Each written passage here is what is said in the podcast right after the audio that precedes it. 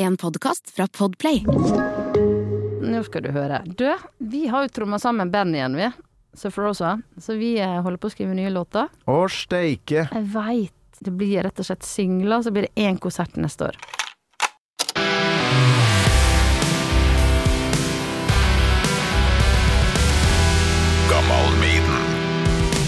Det var veldig sånn 90-talls Husker, husker, husker du Pet Cemetery? Ja. Det var, men den første Pet Cemetery, når jeg så den, da jeg ganske liten, Ja. det gjorde så jævlig inntrykk. Fy faen. Mm. Altså, jeg tror ikke jeg så på uh, lang tid. Men det, det var helt jævlig. Så så jeg den nå igjen, så var det sånn Stilig. Ja. Fuck, den røyken som kom opp og alt det der. Alle Stephen King-ting som jeg ble skremt av, bortsett fra Shining. Altså, Ja, er alt av Stephen bra. King har bare mista all effekt. Ja, men The Shining Tommy knockers, Tommy knockers, Ja, knocking ja. on your door. Ja. Dagger, dagger. Jeg var- Blir ikke redd lenger. Nei, nei, nei. nei. Med Torkil Thorsvik. Så dokkene som var helt superskumle. Du bare Hva er det her for noe? Det er tøydokke Anna, nesten. Ja. Sant? Sara prøvedokke. Ja, ja, så kattene som bare så ut som en vaskefille, så var jeg bare redd for der greiene der, liksom. Å, herlig. Men du, Ja. du har gitt ut et soloalbum. Jeg har laga potpurri, jeg bruker å gjøre det. Mm. Surferosa, masse greier. Men soloalbum, det, det må jeg jo få kløpt ut og, og lagt inn i etterkant, da. Ja, For det det er moro nesten, for det er ganske morsomt. Når kom det? 2015. Har du ei en låt eller noe For jeg, jeg bruker jo bare små klipp her. Hva er det som forteller mest om det albumet? Oi, egentlig er all, det er et schizofrent album. Det er veldig sånn eh, science fiction, eh, poprock, egentlig. Der jeg fikk liksom alle disse rare ideene mine inn på ett album. Uh, og det spilte jeg inn i England. For jeg pendla til England i ganske mange år. DJ-a veldig masse i Norge. Sparte opp penger. Startet et eget plateselskap som heter Popjoy Records. Og så reiste jeg over og uh, jobba i studio. Og så ble albumet ferdig. Det heter Hype.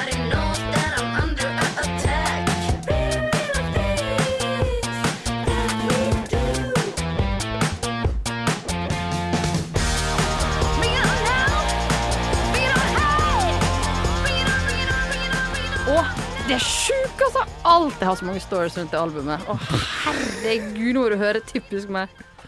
Ja, men Altså unnskyld, altså. Jeg visste ikke at det fantes engang. Nei, men det er for at det, Skal du ha gjøre det OK greit med et album, det vet jo du, for jeg- du er jo undergrunnspunker og sånt, Ja. så, vet du at du må ha penger. Et pant Altså, jeg eh, tok opp lån på leiligheten min tre ganger for å betale det albumet og reise over, og du vet, betale promo og bla, bla, bla. sant? Betale flybilletter til band over her, for engelsk band. Altså, albumet heter jo Hype, men det ble ikke hypa nok til at jeg fikk det med meg, Det er det som er så genialt, for det ville Hallo, du er okay. Altså, der følte jeg meg liksom han der eh, Malcolm McLaren, Ja, som var manager over Sex Pistols. Jeg følte meg litt som han. ja, ok. Litt sånn hmm, litt cartoonish. Eh, litt sånn eh, subkulturelt. Og Ja. så likevel så kunne det blitt en fantastisk hype. Eller bare en hype. Mm. Derfor heter det hype. Altså, Banjo for my bitches, Freaking Fantastic, Hunger, Sushi, Samba. Altså, det her lover godt. Hva skal jeg sette på for å, å få et lite tverrsnitt, Sist, tenker du? siste låta syns jeg passer veldig godt på Radio Rock, da. Ok, Mm. bring it on. Ja, faktisk.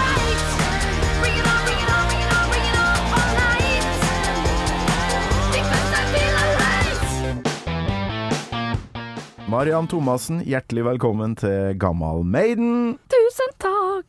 Jeg Har du- har det bra. Har du det bra? Jeg syns som Bruce Dickinson. Jeg har det bra. Ja. Akkurat som vi trøndere liker å si fra scenen. Har du det bra?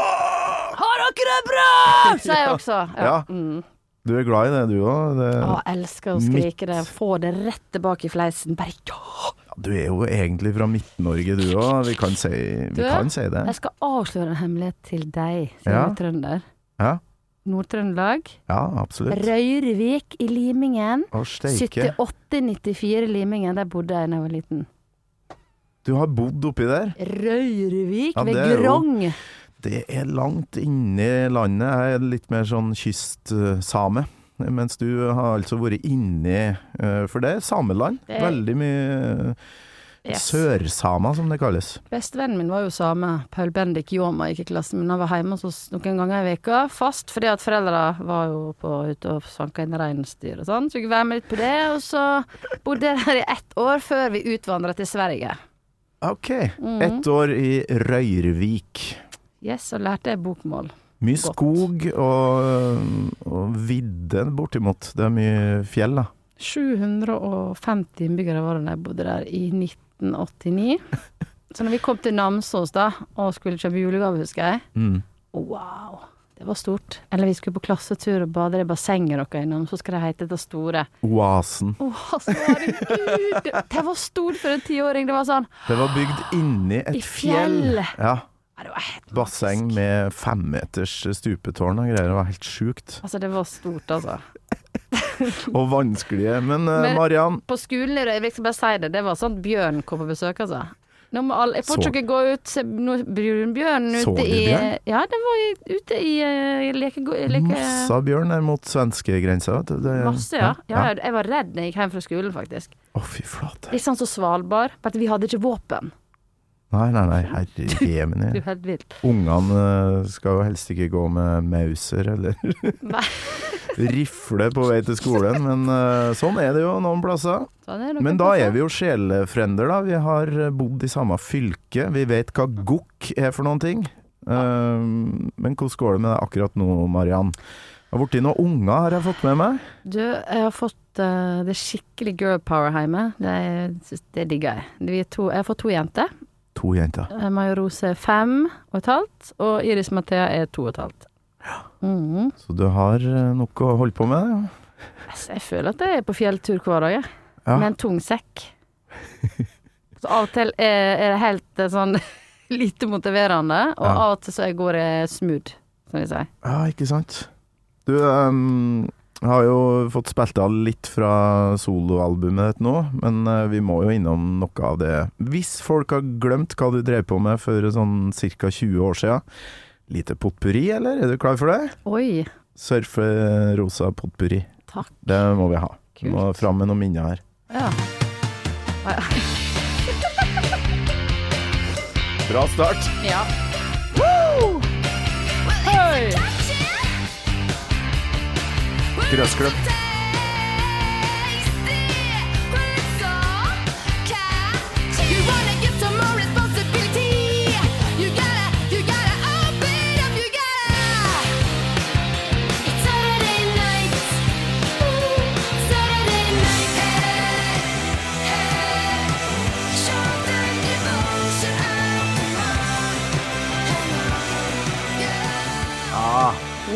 Ja, det er hitparade. Det var Jeg gjorde det ikke verre enn som så. Gode minner. Ja, du får eh, Det er en stund siden. Eh, Siste konserten vi hadde var vel omtrent Det var vel i 2009-2010. Ja. Mm. Ja. Ja.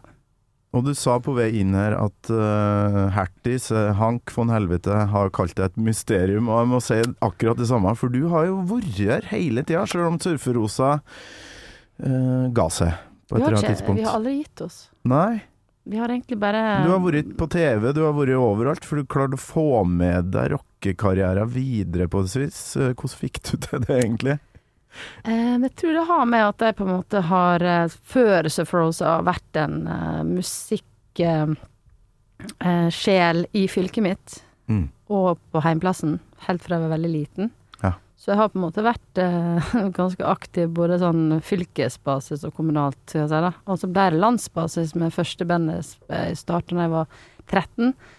Så vant jo vi og UKM i ja, når vi var 18. Trommisen var 14. Så vi var jo på NRK og P3 allerede da. Ja. Så vi har på en måte vært litt sånn der eh, musikkhelter i, i Stryn, da. det var ganske gøy. For det er Stryn som er liksom uh, heimplassen, ikke, ikke Røyrvik. Altså, jeg har flytta så masse. Å, herregud. Når jeg landa i Stryn og stryningene og bare Ja, men du er nå Du er den stryningen, du. Så tenkte jeg ja, hvorfor ikke? Men jeg føler meg egentlig hjemme hvor som helst. Men Stryn ligger plassert i hjertet mitt ekstra, da. Ja. det var te når du er tenåring, så er det så mange følelser, og du Ja, hjernen er helt ute å kjøre. Mm. Så da ble det Stryn. Og det Hvor mange er det som bor der?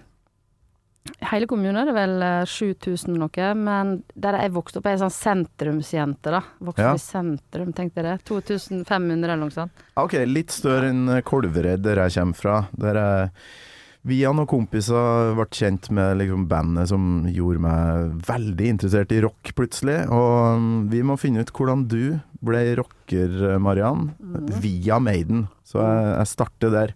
Husker Ja. du første gangen du hørte Iron Maiden? Det må ha vært en av gutta i bandet, faktisk. Ja, det tror jeg. Vi, ja, det var vel i starten av eh, Da vi begynte å turnere.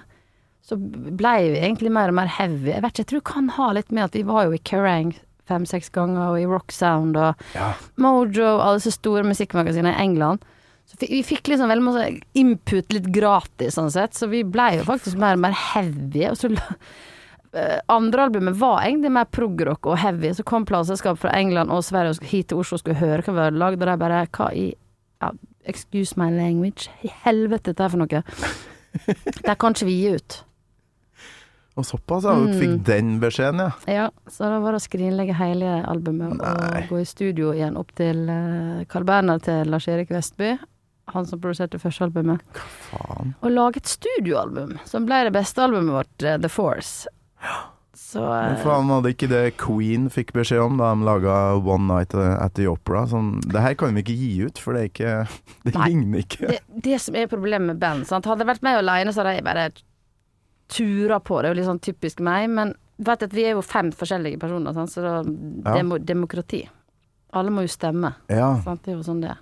Var det sånn dere gjorde det? At sånn urne? Stemmeurne? Jeg tror det var litt det. Og så vi har jo vært et band som har vært et av de mest turnerende bandene i Norge på den tida der, så vi var litt slitne, tror jeg også. At vi var litt sånn derre oh, Here we go again, liksom. Det var jo hele tida sånn der Når man kommer på et visst nivå, så skal man hele tida lage samme låta man slo gjennom med. Sant? Helst ti-tolv ganger. Det er jo, går jo ikke. Og gjør man det, så er det ganske kjedelig. Ja. Så vi havna jo i den samme klisjeen, da. Hva faen kan det hete, den der boka? Åh, den der boka som alle band må lese. Du veit hva jeg snakker om. Ei bok? Ja, det er film også, og en bok. En film, Spinal Tap. Ja, altså filmen, ja. Ja, Fins det ei bok Ja, det fins ei bok også. Den skal jeg ta bilde av og sende til deg, skal du forstå. Den må du lese. Altså. Og når jeg las den Tap-boka, for i Norge har vi jo Sennepslegionen. Altså, jeg, jeg det er jo en Jeg kjøpte en bok i England, og den skal du få eh, jaggu meg få. Jeg skal ta Ja. den, men du låner. Herregud, den er så drøy. Og så er det sånn der um, Hva skal jeg si jeg bare las den boka, så var det check, check, check, check på alt, og bare Du har gjort all Er det mulig? All feil feilene, cover, ja. feil Altså alt. Alt! Ja, men det er jo en vei Det er jo den veien man må gå til suksess. Alt må gjøres feil en sånn Men jeg har jo le- 12-13 ganger først.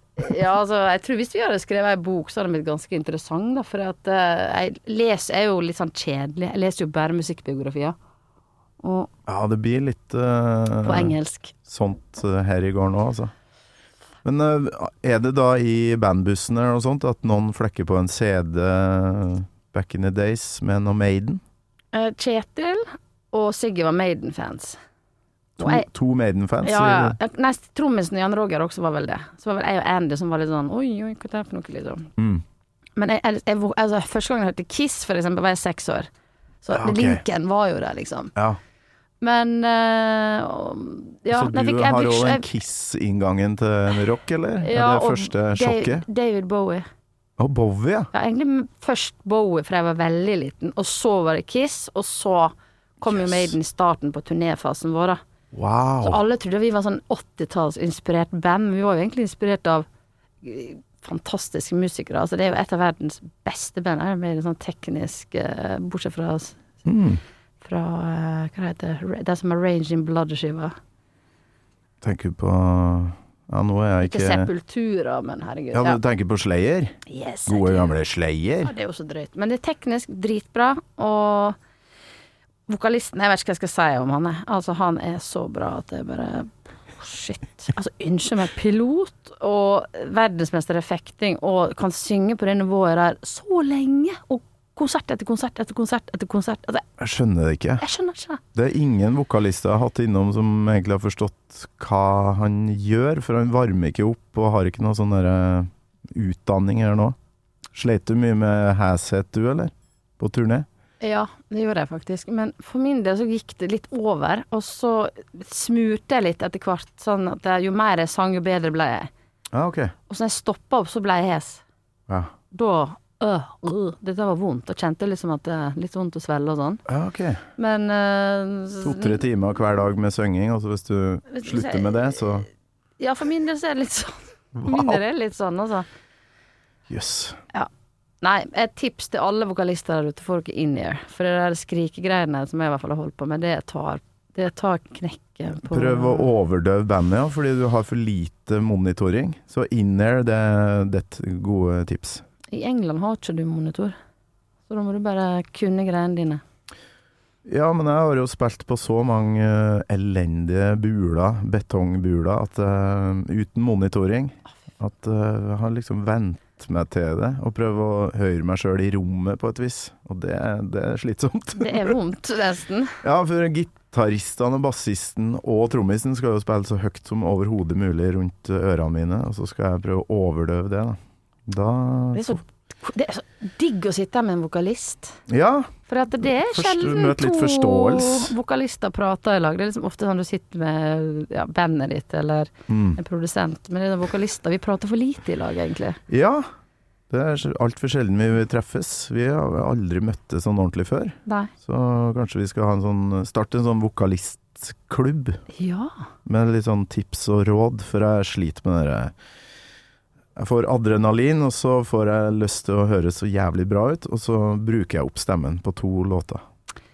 Altså, jeg gjorde det samme på fire låter sånn back in the days, så bare måtte jeg ta meg sammen. For jeg skulle jo synge i ja, veldig mange, mange låter, sånn 18-19 låter. Mm. Og da går ikke de greiene der. Nei. Men jeg sang jo meg helt tom til jeg måtte til logoped. Så jeg gikk jo til sant? logoped i ett og et halvt år. Og det funka? Ja, det funka veldig bra. Men det er jo en sånn der Det er et regime, altså. Det, det er sånn Dette må du gjøre før du står opp. Dette må du gjøre under dagen. Disse øvelsene må du gjøre så og så ofte. Dette bør du gjøre du skal, før du legger deg. Mm. Du må hele tida tenke over liksom hvordan du bruker stemma di. da. Det er ganske sånn Ja.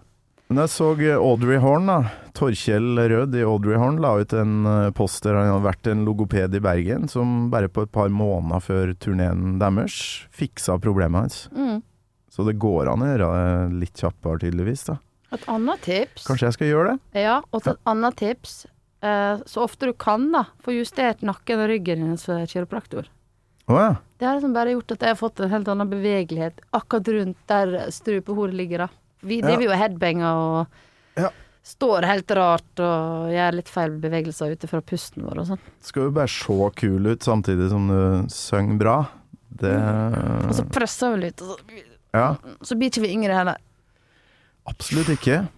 Du, det her må vi jo faktisk prate mer om, men nå, vi har jo ikke kommet oss helt i, i starten av der rockesjokket ditt. Hva er det som er For du snakker jo om Bowie. Er det foreldre, eller hvordan er det du får tak i det? For um, han visste jeg ikke hvem var da jeg var liten, fordi jeg bodde på, i Gokk, da.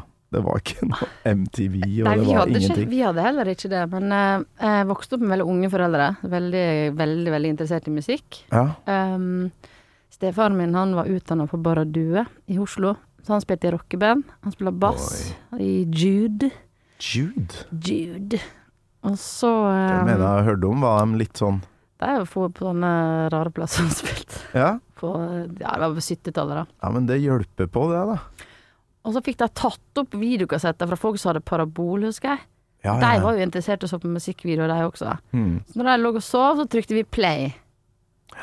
Jeg fikk sjokk. Jeg bare Og spolte tilbake. Play. Spolte tilbake, play. Jeg vet ikke, det var ganske mange ganger jeg så på det. Å, fy flate. Fikk helt sjokk.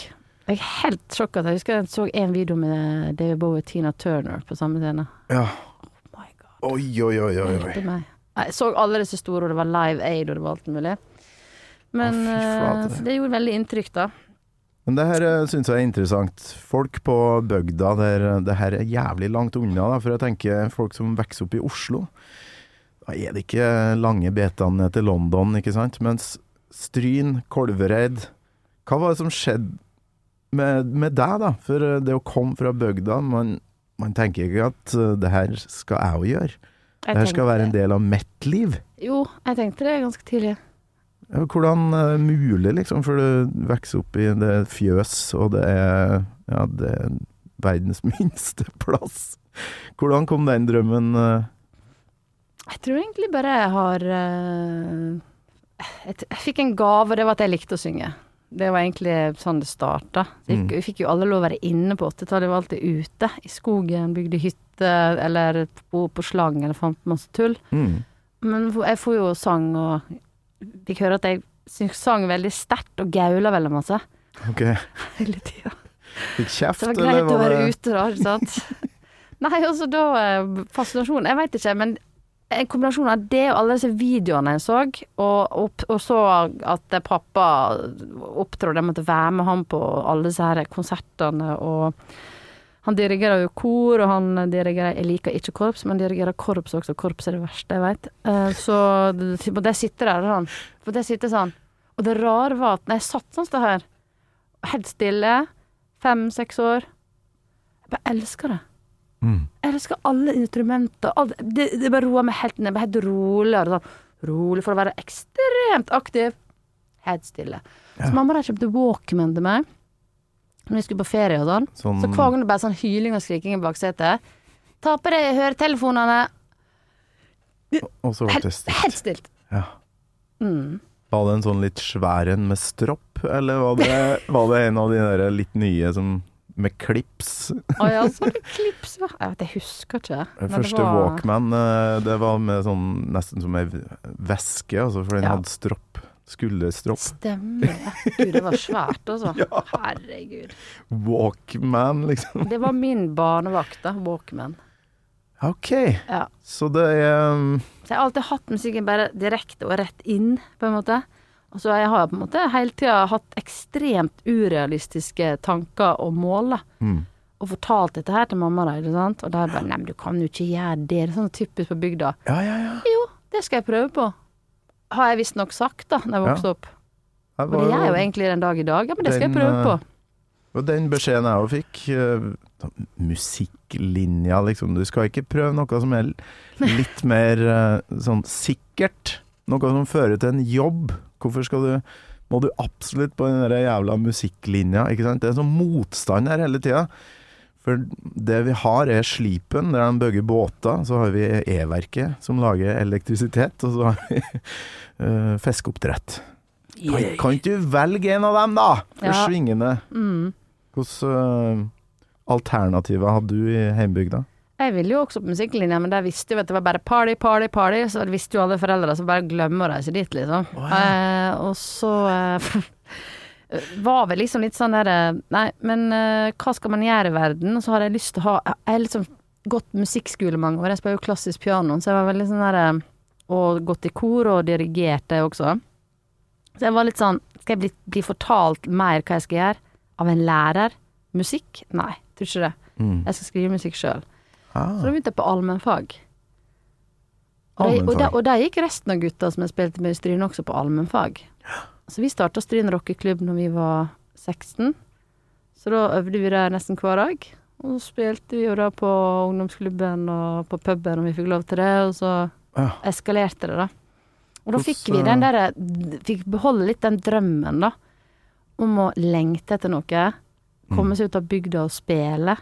Og ikke bare hele tida ha Gå til du vet, undervisning og lære musikk, på en måte. Jeg hadde ikke lyst til det. Jeg hadde lyst til å på en måte gjøre alt feil. Mm. For alt jeg hørte på, var jo musikk som var feil. Sebado, Fugazi uh, Du veit, Soundgarden, alt det der. Grunge. Ja. Jeg elsker jo det. I loved it. Så det var liksom litt av den derre Altså, Bikini Kill. Altså Mm. alt dette der eh, som kom liksom med snowboardkulturen. Altså, Så jeg har kjørt snowboard mange år, og Stryn er jo mekka for snowboard pga. sommerskisenteret. Ja, ja, ja. Så alle filmene vi fikk tak i med fet musikk, som eh, de slapp å betale rettighetene på og sånt. Mm. Så band breaker jo av alle disse snowboardfilmene. Så da kommer liksom det elementet inn også der, da. Du fikk liksom tilfredsstilt Ja. det behovet. Mm. Oh. Men hvordan kom du i kontakt med dem her, da? For musikklinja var jo en inngang for min del til rockere og andre. Hvordan fant du de andre bandmedlemmene? Ungdomsskolen.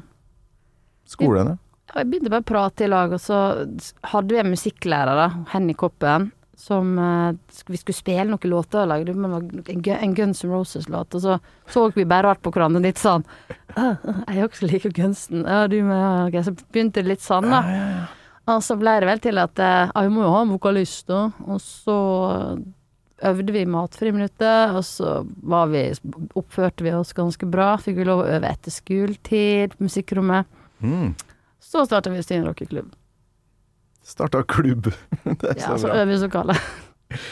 Jævlig bra. Fikk penger til trommesett og Men uh, ikke noe Iron Maiden før uh, du var etablert uh, rockemusiker, bortimot, da.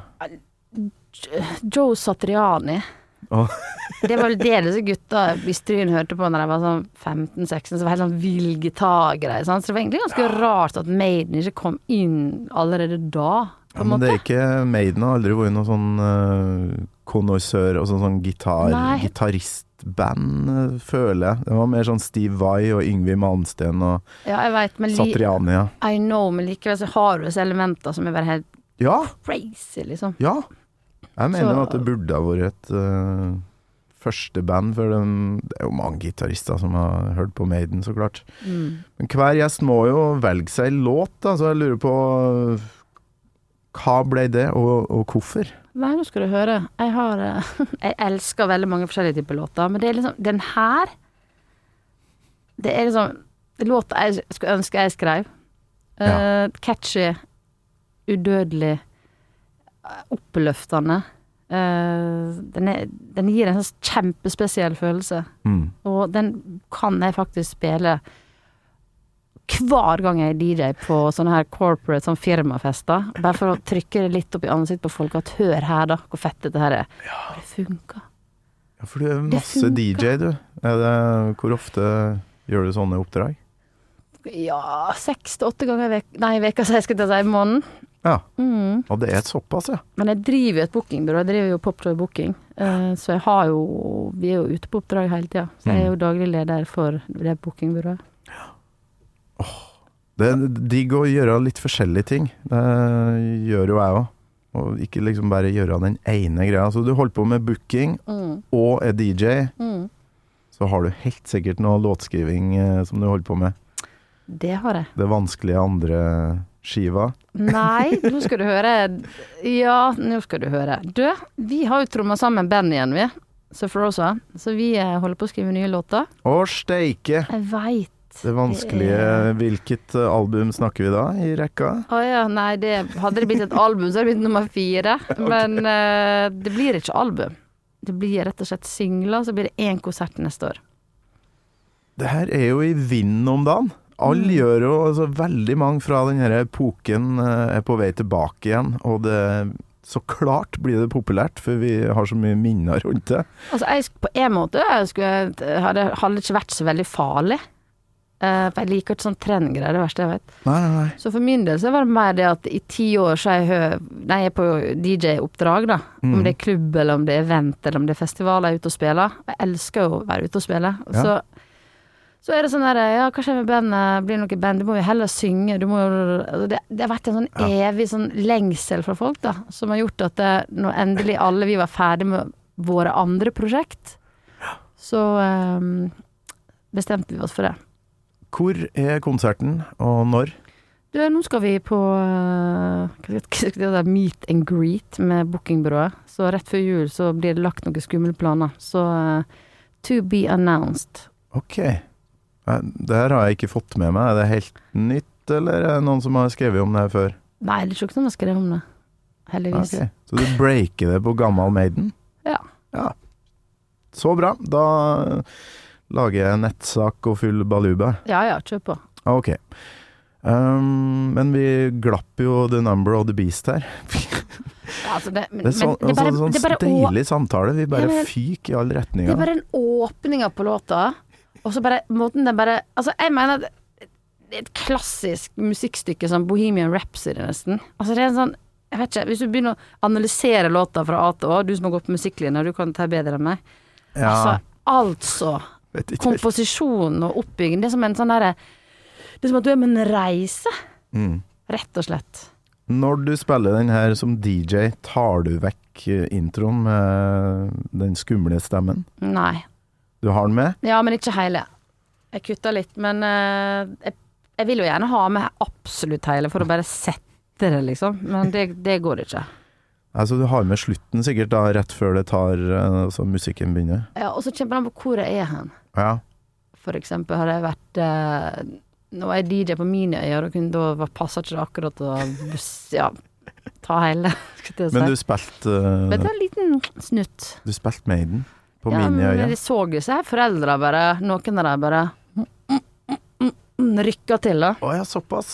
Mm. Ja, men det er digg. sånn på ungene sine. 'Nå må du høre her. Hør her nå. Hør ja. her nå. Ja, ja, Nå ja, må du høre dette her. Dette vokste jeg opp med. Liksom. Jeg bare så blikket til folka der. Bare da fikk stjerne i øynene. Og da har jeg gjort jobben min som DJ. Det har du. Du er et konge. Takk for at du gjør den jobben. Her i Gammal Maiden hører vi hele. Vi må bare sette stemninga med Barry Clayton, som han heter, han som leser inn det her. Woe to you, O earth and sea, for the devil sends the beast with wrath, because he knows the time is short. Nå. Let him who hath understanding reckon the number of the beast, for it is a human number. Its number is 666. Fy flate, for en stemme. Jeg får frysninger over hele kroppen. Ja, særlig headset òg. Og så få en eh, sånn tatovert inni hjernen, den stemmen der. Men så kommer jo det her, da. Etterpå. I left alone. My mind was blank. I needed time to think to get the memories from my mind.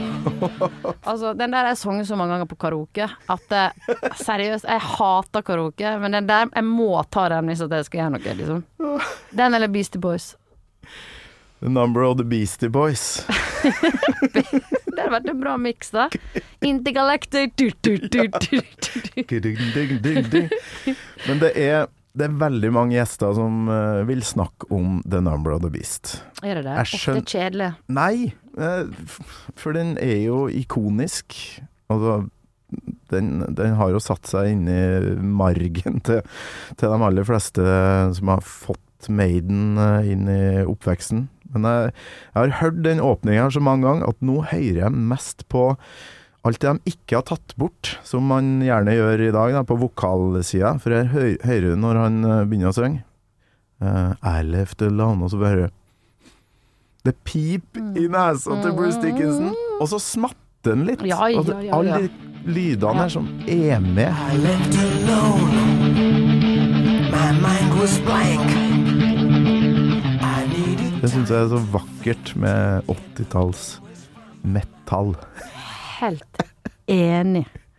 Har du med noe når du lager ny eh, musikk med Surferosa? Altså, jeg ville ha det som ekte som mulig, for jeg er veldig fascinert av et band i Sverige som heter Goat. Som Goat, er, ja. ja. Goat, som er jævlig kult.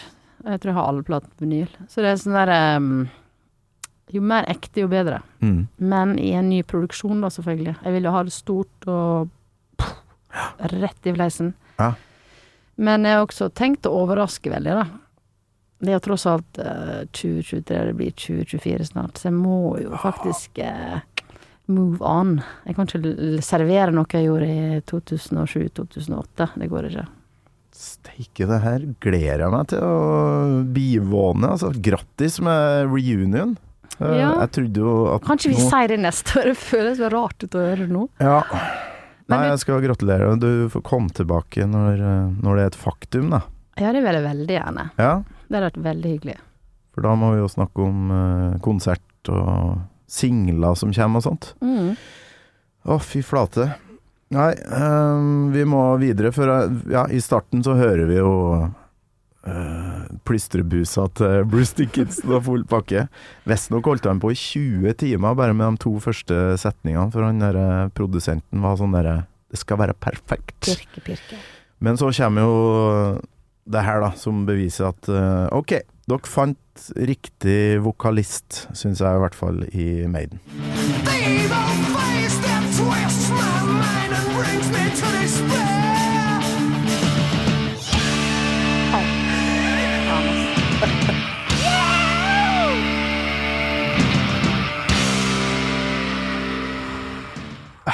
Elsker den derre sk- skrikinga på toppen, og det trommegreiene Det der Ah, det bare elsker det mer sånt, liksom.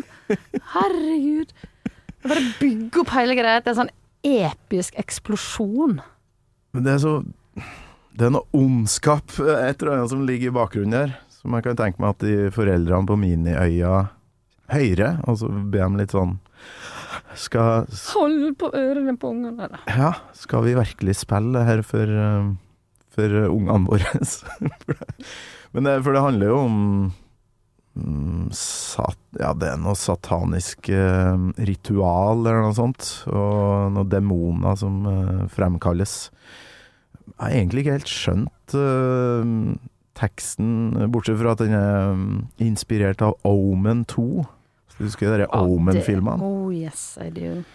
For den har jeg ikke sett, nemlig. Har du sett kun, den? Jeg har kun sett den første, med Gregory Peck, og den Ja. er jo jævlig bra. Ja, ja, ja. Og så eh, noen som sier at ikke se nummer to, for den var, var så dårlig. Men eh, er det noe rituale der? Altså, jeg eh, husker vagt begge to, men jeg, jeg glemmer aldri han der lille gutten. Jeg, altså. Det var evil. Damien. Evil. Damien. Altså, men det jeg tror jeg har litt alt, alt sånn som du sier, tidens tann, da. Det er liksom det derre når, når, Du vet når all teknologi utvikler, så skal det takes en sånne shortcuts, liksom. Og da Mm. blir det ikke like bra. Da forsvinner litt magien siste der, da. Det blir ikke så skummelt, egentlig. Nei, nei, nei. Nei, det Vi snakka om Pet Cemetery og Tommy Knockers og. Gressklippermannen, husker jeg. Nei, det står seg ikke. Men The Omen med Gregory Peck, den står seg. Han gjør det. På linje med mm, den herre Max von Sydow, eh, Eksorsisten. Nei, den er så bra. Herregud. Altså, jeg klarte å Altså, jeg ser jo ikke skrekkfilmer lenger, for det- nervene blir jo tynnslitte, men The Nun Jeg har bare hørte rykter om det. Ja, det nye som har kommet, jeg så litt av det nå Er det sånn skvetting? Ja, det er sånn Det er ganske sånn jævlig, å bruke det ordet, Mm. men allikevel så er det sånn Alt er bare basert på sånn eh, mest mulig sånn forferdelige psykologiske ting, da. Ja. Nå skal jeg sånn squeeze deg litt uh, mentalt, fy liksom. Men uh, ja. Derfor ser jeg ikke på skrekkfilmer lenger. Man var jo, man var jo på- så redd før. Livredd. Dritredd for å gå ut døra liksom, med søpla. Bare sånn 'Å, gud, nei, det her vet vært helt Det, går bra', liksom. Men sånn der, vi hadde sånn derre Vet sånn der brett? Hva heter det der Herregud, hadde dere sånn, Sånn eh, satan, satan ja, spiritisme Ja, spiritisme. o, Hva heter det? Oja? Oja-brett, ja. Oja-brett? Ja, så måtte ikke du se i speilet når du Å, vasker deg etter du hadde gjort det. Og jeg bare For da så du djevelen, da. I helvete, dere har sånn- aldri turt å gjøre. Nei, og så flytta jo den på seg, selvfølgelig. Sant? Den der altså, det var sånn Og du setter det på film. Vi var sånn ti år gamle. Faen. Det, ja, nei, jeg kjente da at eh, man fikk liksom litt dosen sin eh, Ja, på 80-90-tallet, liksom. jeg, jeg syns det var digg å bli skremt, men akkurat det der spiritisme-greia, det turte jeg ikke, for det gikk så mye rykter om eh, ekte ting som skjedde, da. Ja. Og da, da gidder jeg ikke lenger, når det er ekte. Men når du har bare gutter til søskenbarn på din egen alder, så blir det jo litt sånn ting du må være med på. Så det var jo det så greia, da. For hvor tøff du er, kom bli med på det der, da. Ja, ja, ok, da. Og så Nei, gud, jeg var Da jeg sov ikke den natta, altså. Jeg lå sånn her med dyna under nesa sånn der, og bare Ja, for Ja. den der eh, pila går jo Eller var det et glass man skulle holde på? Nei, det er en sånn her eh, som er formet som en dråpe, som alle skal holde på. Ok. Og så går den på sånne bokstaver, og så skal du på en måte lese hva på en måte setningene blir, da. Ja. Jeg, har fortrengt det litt, grann, kjenner jeg nå. Det høres Ja.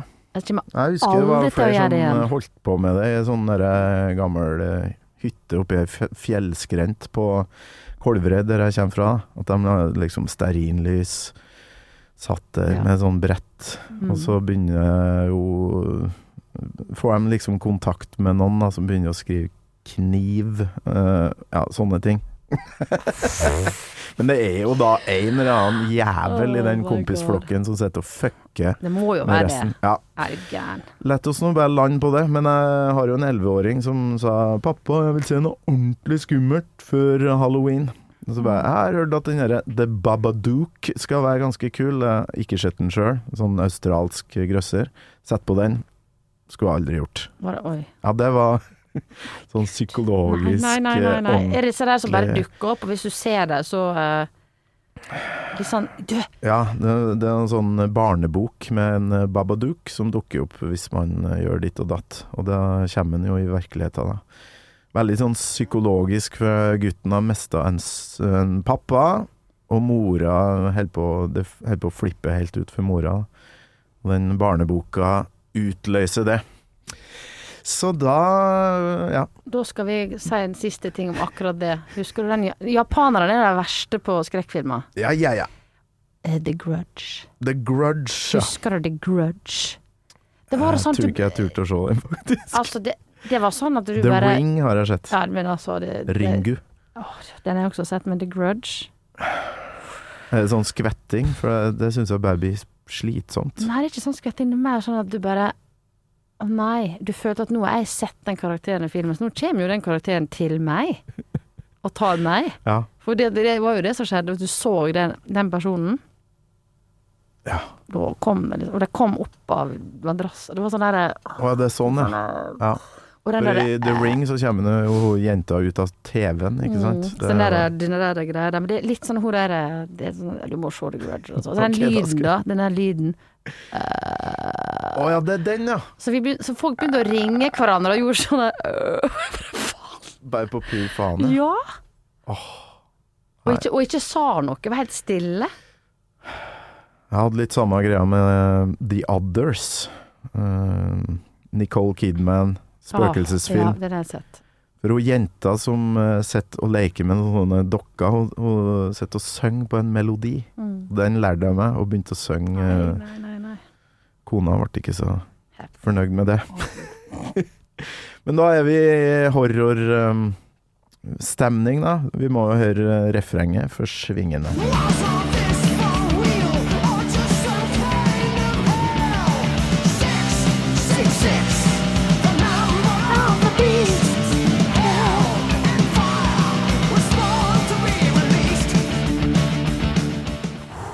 Jeg bare elsker vokalen, altså gitaren, måten de jobber sammen med vokalen på, hvordan trommene bare driver hele maskineriet liksom framover.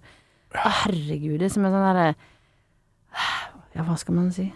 Det er en kar du har glemt her, som er vektigsten for meg i Maiden. Hør på det her. Jeg har litt sånn uh, isolert bass her. Bassen, ja. Ja, altså, han det, det høres jo ikke ut som en treffer hele tida, men det er det som gjør det så jævlig digg å høre på.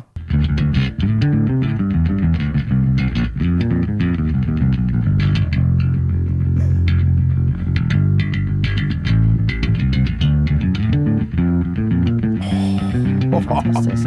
Det er bra, altså.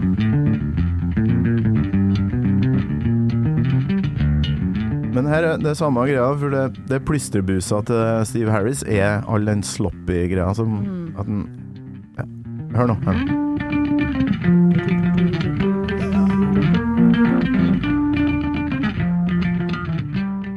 Det er så digg når det ikke er perfekt. Jeg, har fått en sånn uh, crusade mot uh, sånn altfor produksjoner som eh, er veldig innom dagen. Mm, det blir veldig stramt. Ja. Du vet at det, det, når jeg spiller gamle låter når jeg er ute og DJ og sånn, det er ofte De svinger mer. Når det på en måte ikke er stramt og alt er på klikk hele tida, liksom. Mm. Så flyter det opp og ned i tempo. Det er som, et sånn, det er som en kroppen som Det er som en kropp. Og som et hjerteslag. Mm. Altså, det er fantastisk. Eh, men apropos den bassisten i Maiden.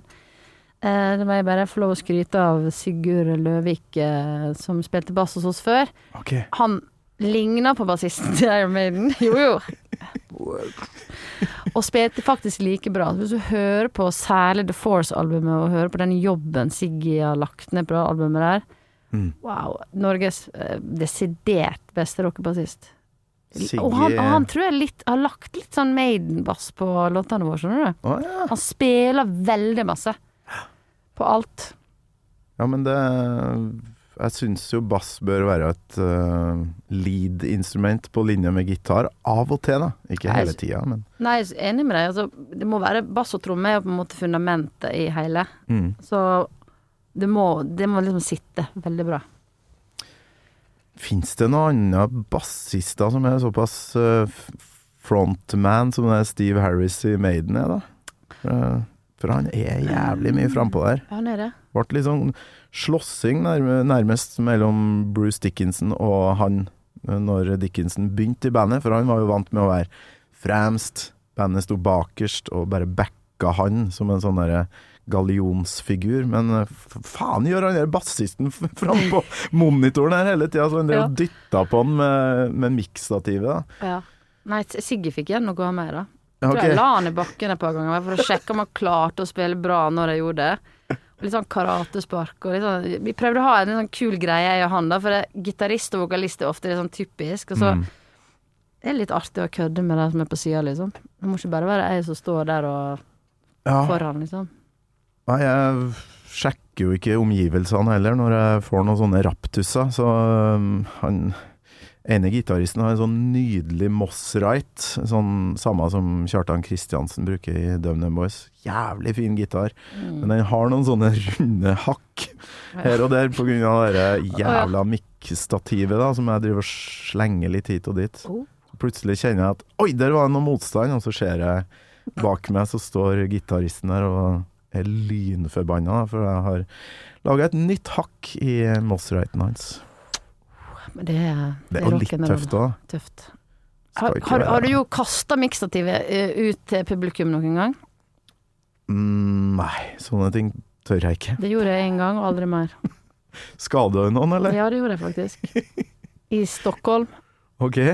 Mm. Det spratt opp og rett opp i her. Opp i leppa og haka. På en publikummer. Yes. Og hva skjedde da? Nei, eh, jeg hoppa av scenen. Bandet spilte, og jeg hoppa ned og sang mens jeg prøvde å eh, kommunisere med Ja, den du personen. Går det bra? Går det, Det her bra? var ikke meninga. Litt sånn la-la-la, går det bra? Ja. Sånn. Nei, det gikk ikke bra. Og Og du blodet fikk bare, den, ja? ja, ja, og blodet bare strømma, og jeg bare «Øh, Hva skal jeg, hva jeg gjøre? Sånn? Så jeg bare ja, ja, fuck it, da. Du får tåle den med på konserten med oss, liksom. Ja. Hun er ikke fornøyd. Nei, for nå Hun, jeg tror hun gikk, faktisk. Hun gikk, ja. Ja. Med legevakta, kanskje. da Jeg vet ikke om det var så sting. gale, men uh, det så jo ikke helt bra ut, liksom. For det, spratt jo bare ding, og så rett opp, liksom. Jeg bare, herregud. Nei, men det har skjedd utrolig mange sjuke ting når vi har spilt, altså. Det ble bra. Altså, jeg har jo blitt eh, Jeg har jo crowdsurfa, blitt dratt så hardt i håret at jeg bare landa på bakhodet.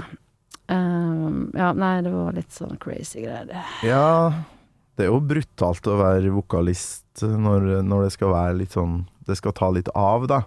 Men jeg vet ikke om du har det litt sånn som meg. Altså, jeg er jo helt klinkende edru når jeg går ut på. Nå har jo Ja. avslørt jo en yrkeshemmelighet her, men uh, med en gang jeg hører trommeslaget sånn, boom, det begynner, liksom, da, da, da, da, bare, da blir jeg altså, da klikker det fullstendig for meg, liksom. Ja, det går ned i gardinen, rett og slett. Sånn bare Altså, Ja. jeg, jeg må være edru jeg på scenen, jeg tror jeg jeg hadde skada meg, liksom. Problemet mitt er at jeg får den der uten å være edru òg. Så jeg, jeg blir bare Jeg blir klinke edru. Hvis jeg drikker en to-tre pils, litt brisen, hører første trommeslaget, da blir jeg ad Adrenalinet bare vasker vekk alt, og så er jeg klar. Jeg gjorde det den da jeg var litt yngre, to-tre øl. Men Ja. det var kun på første turneen. Det var en ganske dårlig idé. Ja, Veldig det gikk galt, da. Hva som skjedde? Det er det at når du drikker to-tre øl, så går hørselen litt ned. Så du synger sterkere, og du Jeg vet ikke, jeg bare sleit med litt sånn ekstra ut litt for fort, kanskje. Mm. Sjøl om det var kult å feste litt først, og så gå på og bare yeah, rock and roll med gutta boys, liksom. Men uh, når det ble flere låter og lengre konsert, og bare du innser at det, Hæ? Jeg er 22 år og er sliten? Mm. Nei, det er ikke greit. Det går ikke. Nei. Fy faen så fornuftig du er. Det, Nei, men det jeg- der klarte jo ikke jeg, da. Så jeg tura jo på. Nei, men jeg skulle jo Tyskland, Spania, Ja. Norge, Danmark. Ja. Eh, Litt for mye drikking, ja. Men det var jo det som Der har du jo egentlig løsninga. Trenger vi ikke gå på noe logopedtimer, jeg. Jeg kan jo bare slutte med de jævla pils. Nei. Så er det jo ordnings. Ordnings, ja. Ja, ja. for jeg, du hører sikkert at jeg er litt hes nå.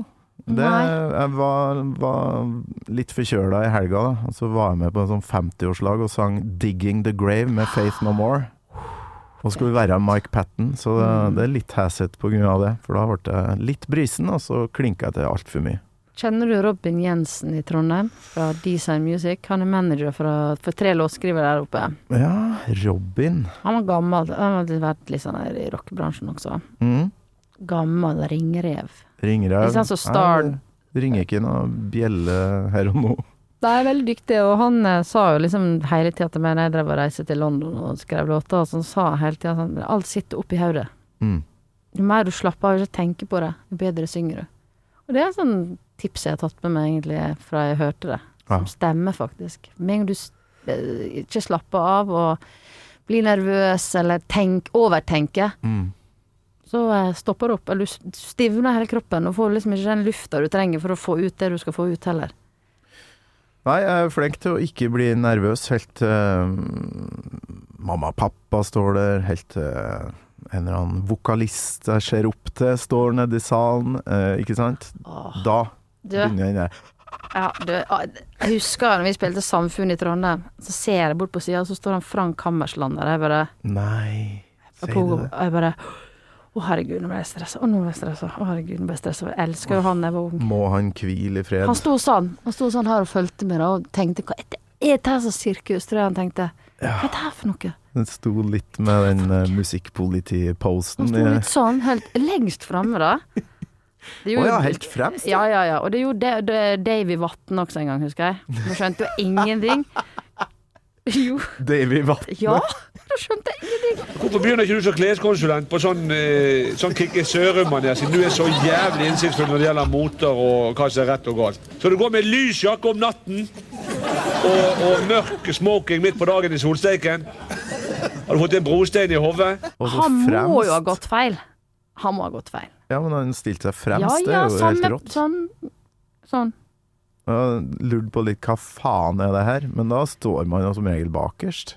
Ja, enig. Og da ble jeg litt satt ut av begge de to.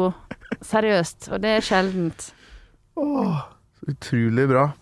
Og dere skal du få oppleve igjen snart med, på, på scenen. Det blir jo mer enn én konsert. Jeg håper ikke det. Nei, du jeg er ikke så keen ene. på flere konserter, egentlig. Nei. Jeg er litt sånn keen på å skrive masse nye, nye ting, og så uh, har jeg lyst til å lage eh, verdens beste rockeshow, egentlig. Og da krever det litt at man på en måte ikke får flytta seg så veldig masse, egentlig. Jeg, jeg. jeg er så fornøyd med denne episoden her. Vi har fått en uh, nyhet Ja. som uh, alle må få vite om. Surferosa skal tilbake igjen. ja. Vi har vært tilbake i Røyrvik, Uh, og, og Stryn, ikke minst. Både bjønn og snowboarding og alt.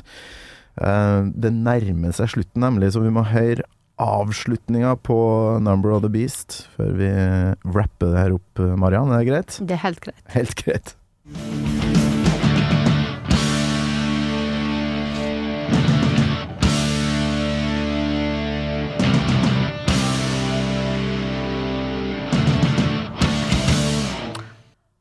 Ikonisk. Daling, så hører jeg på vår låt, så Frozen-låta 'Olympia'. Ok? Daling, daling, daling, Samme greia, eller? Det er litt sånn der rytmisk, uh, veldig heavy. Ja. Mm. Skal jeg hive på den etterpå her nå, vet du. Det er kult. Så Sammenlign.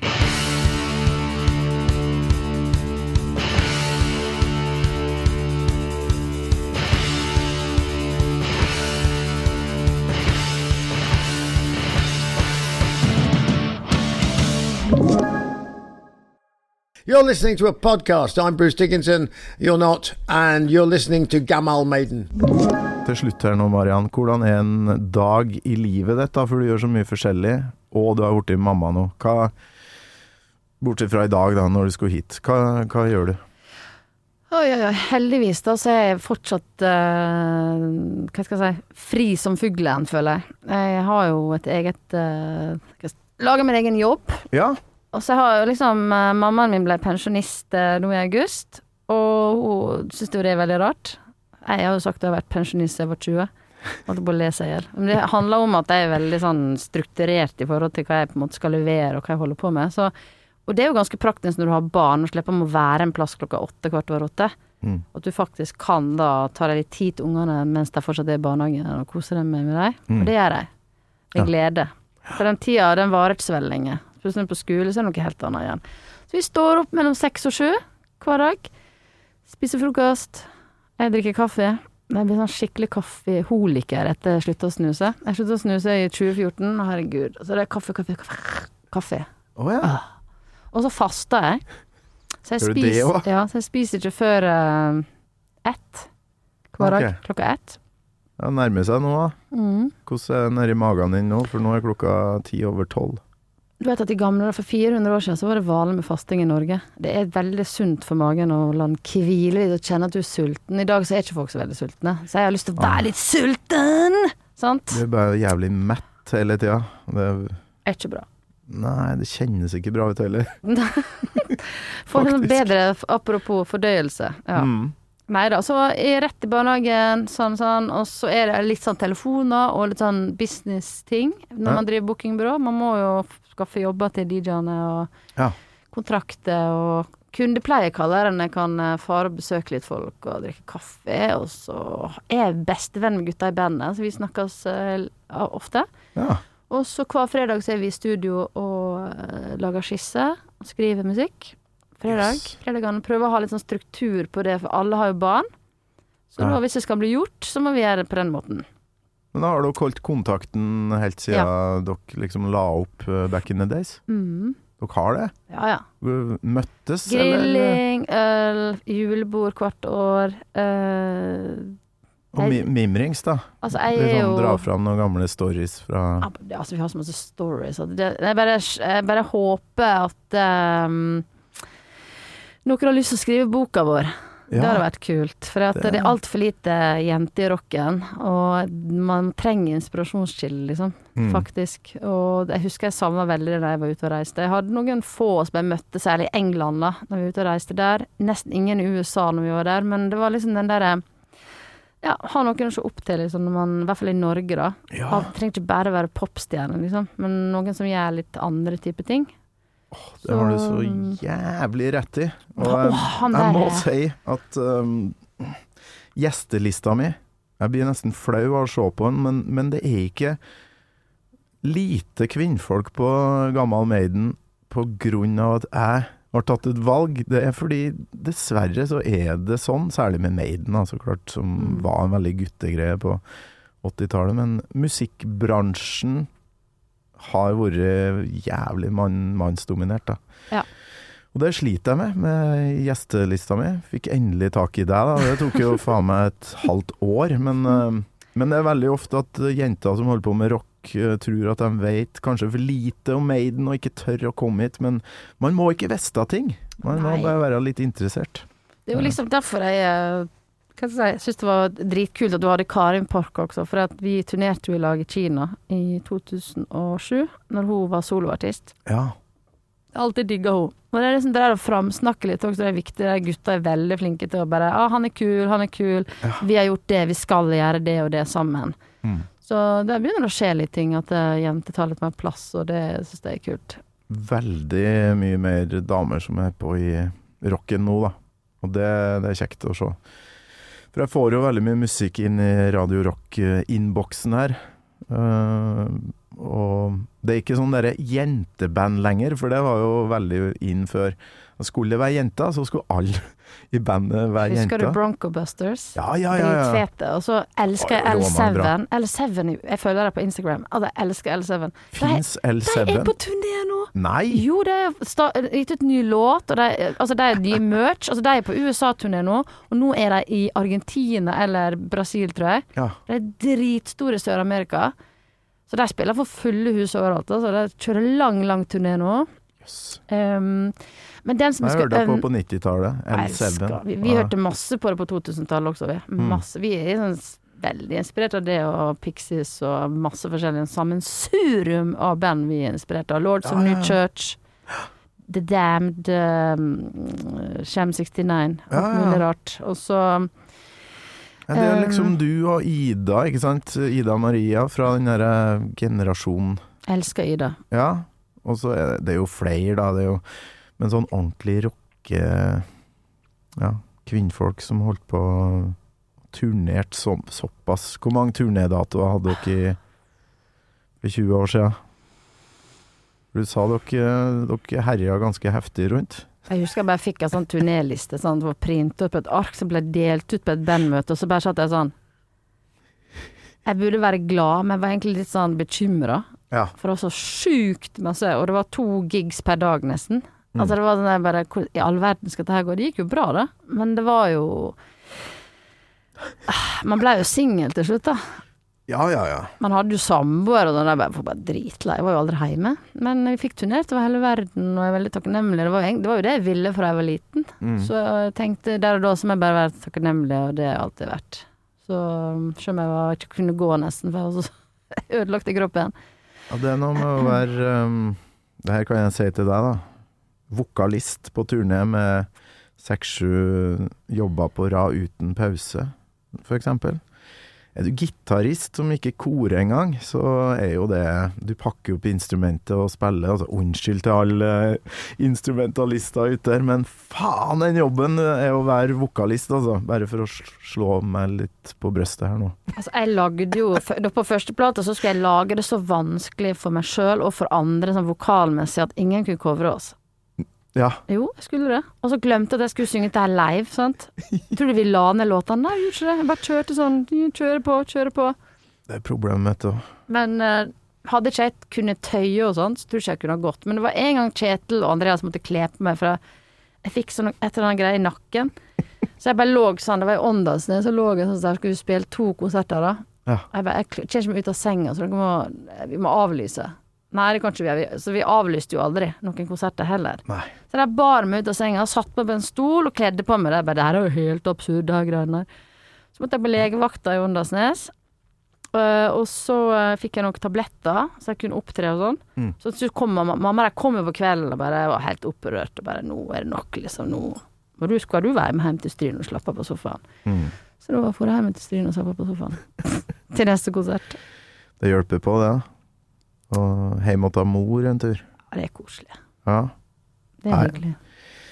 Nei, det er sikkert slitsomt å være i hvert fall trommis og sånt, altså, men eh, nei, jeg husker jo hvordan du hoppa rundt på scenen. Du var jo, sto jo ikke i ro et halvt sekund. Det var jo sånn, litt sånn Bruce Dickinson, han klarer heller ikke å stå i ro. Og de armene hans fyker i alle retninger. Og springer han overalt. Ja, og skal holde det magatrykket som du trenger, da, for å få til Vet du hva, vi må ha det jævla screamet hans isolert på slutten her. Ja. Vi avslutter med det her, her Mariann. Ja.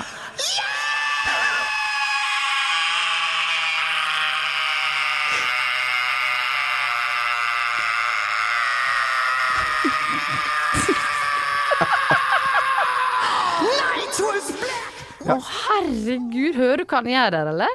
Han- Han holder den helt sånn, og så går han over og opp. Mm. Ja, altså, jeg, jeg fatter det ikke. Men er, Han er, er han faen ikke menneske. singer? Er han trent sanger? Nei! I sånn biografien hans så står det at eh, han kanskje lest, gikk på biblioteket og leste litt om sang. uh, aldri varma opp. Um, for det gikk jo et rykte om at han var operasanger, Mm, uh, som blei rocker, da. Ja. Men det er jo en myte. Det visste Er det sant? Jeg, jeg bare fatter det ikke. At, eh, men han, han er jo samtidig Det er mange som sier at han er flink til å ikke mm, pushe for hardt, da, men når du hører på liveopptakene, så hører du jo en mann som står der og gir 140% Ja. Så um, Men du må huske på én stort ting, da. mysterium. Øh, jeg det, Alle sånne vocal cords, som vi sier, da. Altså alle stemmebånd er så utvikla forskjellig. Dere gutter har tjukkere enn oss jenter. Våre sine er tynnere. Ja. Vi, får, vi har blitt slitne på en, raskere enn dere, da. Så han har kanskje et strupehode som er veldig sånn lagd for å ikke bli sliten, rett og slett. For det finnes Ja. noen vokalister som aldri trenger å varme opp. For det bare ligger til rette for at de har eh, special vocal chords. Der eh, jeg tilhører ikke den eh, rasen der, dessverre. Det har alltid vært en drøm å være Mike Patten og få til alt, men eh, Og han er også en sånn en. ja, virker sånn. Det- altså. Han har så mange band han at det det, det, det skrikene hans er bare helt sånn Han ble jo brukt i en uh, grøsser. Kan heite Hva han den, da? Blei han det? Ja. Det var noe sånn Will Smith som var en sånn postapokalyptisk zombieverden, og de zombiene er jo sånne lynraske supermennesker bortimot, som har et sånn gutturalt skrik. Og da er det Mike Patten som de har leid inn til å, ha, å lage det skriket. Tenkte dere, Åh, det Tenk å kan, jeg, kan jeg få bli leid inn til å lage sånn skrik en gang? Vær så snill. Ja! Det hadde vært kult. Er det I Am Legend eller annet sånt? Ja, det er I Am Legend. Stemmer. Ja, Jeg kjenner igjen når du sier det. Det er det. Det må vi se igjen og høre på Mike Patten. Men Da eh, kan jeg bare stille deg et spørsmål. ja. Uh, sånn i forhold til det vi snakka om nå med skrekkfilm og horror, The Number of the Beast, and everything like that. ja. Hva er din uh, favoritt-krimforfatter? Oi. Leser du krim? Ah, det- Nei, ikke sånn derre uh, Jo Nesbø-tinget som jeg har prøvd. Jeg syns bare det blir litt sånn eh. Litt o- konstruerte mordere på et vis, som bare skal være heslig. Mm. For jeg liker ikke sånn så, husker du den eh, grøsseren? Ja. Som egentlig bare sånn ekkelt å se på. Ikke Den første var godt uh, plotta, men uh, Nei, eh, krim, ja. Jeg har jo lest mye Jeg er veldig glad i sånne der, eh, mystiske ting. Så Tom Hegeland, hvis Det det, er kan kalles krim. Du, hvis du går på min Instagram Altså, jeg har møtt han mange ganger. Han er min favorittforfatter. Ja. Tom Egeland. Han veit det. Så når jeg var på øh, Skal jeg banne i kirka, jeg var på P4. Og så Ja, fikk jeg, fikk jeg eh, ha med en gjest, da. Det var Tom Egeland. Da var jeg starstruck. 'Sirkelens ende' er verdens beste bok. ja, for den kom jo før den der Da Dan. Brown-greia. Ja. Og den er Alt det som står der, og alt Jeg liker sånn konspirasjonsteorier. Jeg syns det er veldig spennende. Mm. Så den, den boka kjøper jeg til folk i gave. Ja. Men han jeg spurte om han kunne skrive, øh, skrive biografien vår, men han har ikke svart ennå. Jeg spurte han face to face, altså. Han bare ja, han så rart på meg. Så Forræder og sånn, han, så han har ikke tida nå, men uh... han sa til meg sånn der Hm. Mm. Og så sa, sa han at jeg måtte skrive sånn der timeline-greier. Ja. Så han fikk et overblikk. ja. Sånn. Så han er, han er kanskje på glid, vi får se. Fy flate, det da Skjer det, da, da mm. Ok, nå Hør på det her. Sirkelens ende. Nå er sirkelens ende nådd. For Tom Egeland var jo her i juni og snakka om 666, den siste boka hans. Om tallet, The Number of the Beast, og litt Maiden, for det har han jo hørt på, ikke sant? Og så er du her. Velger deg The Number of the Beast, og så digger du Tom Egeland. Jeg, har alle bøkene. Er det mulig? Nei, det er ikke mulig. Ja, vi får ikke en bedre rap The enn det her. Ja. Det universet, det er Satan, tror jeg. Som har eh, Eller er det Eddie? Det er Eddie, Det er selvfølgelig. Eddie som Det er Eddie. styrer marionettene. ja. Ja, Mariann, eh, hjertelig takk for besøket i en travel hverdag. Tusen takk for at jeg fikk komme. Gammal Maiden med Torkel Thorsvik. En podkast fra Radio Rock. Og lykke til med comebacket, det må vi snakke mer om neste gang. Jo.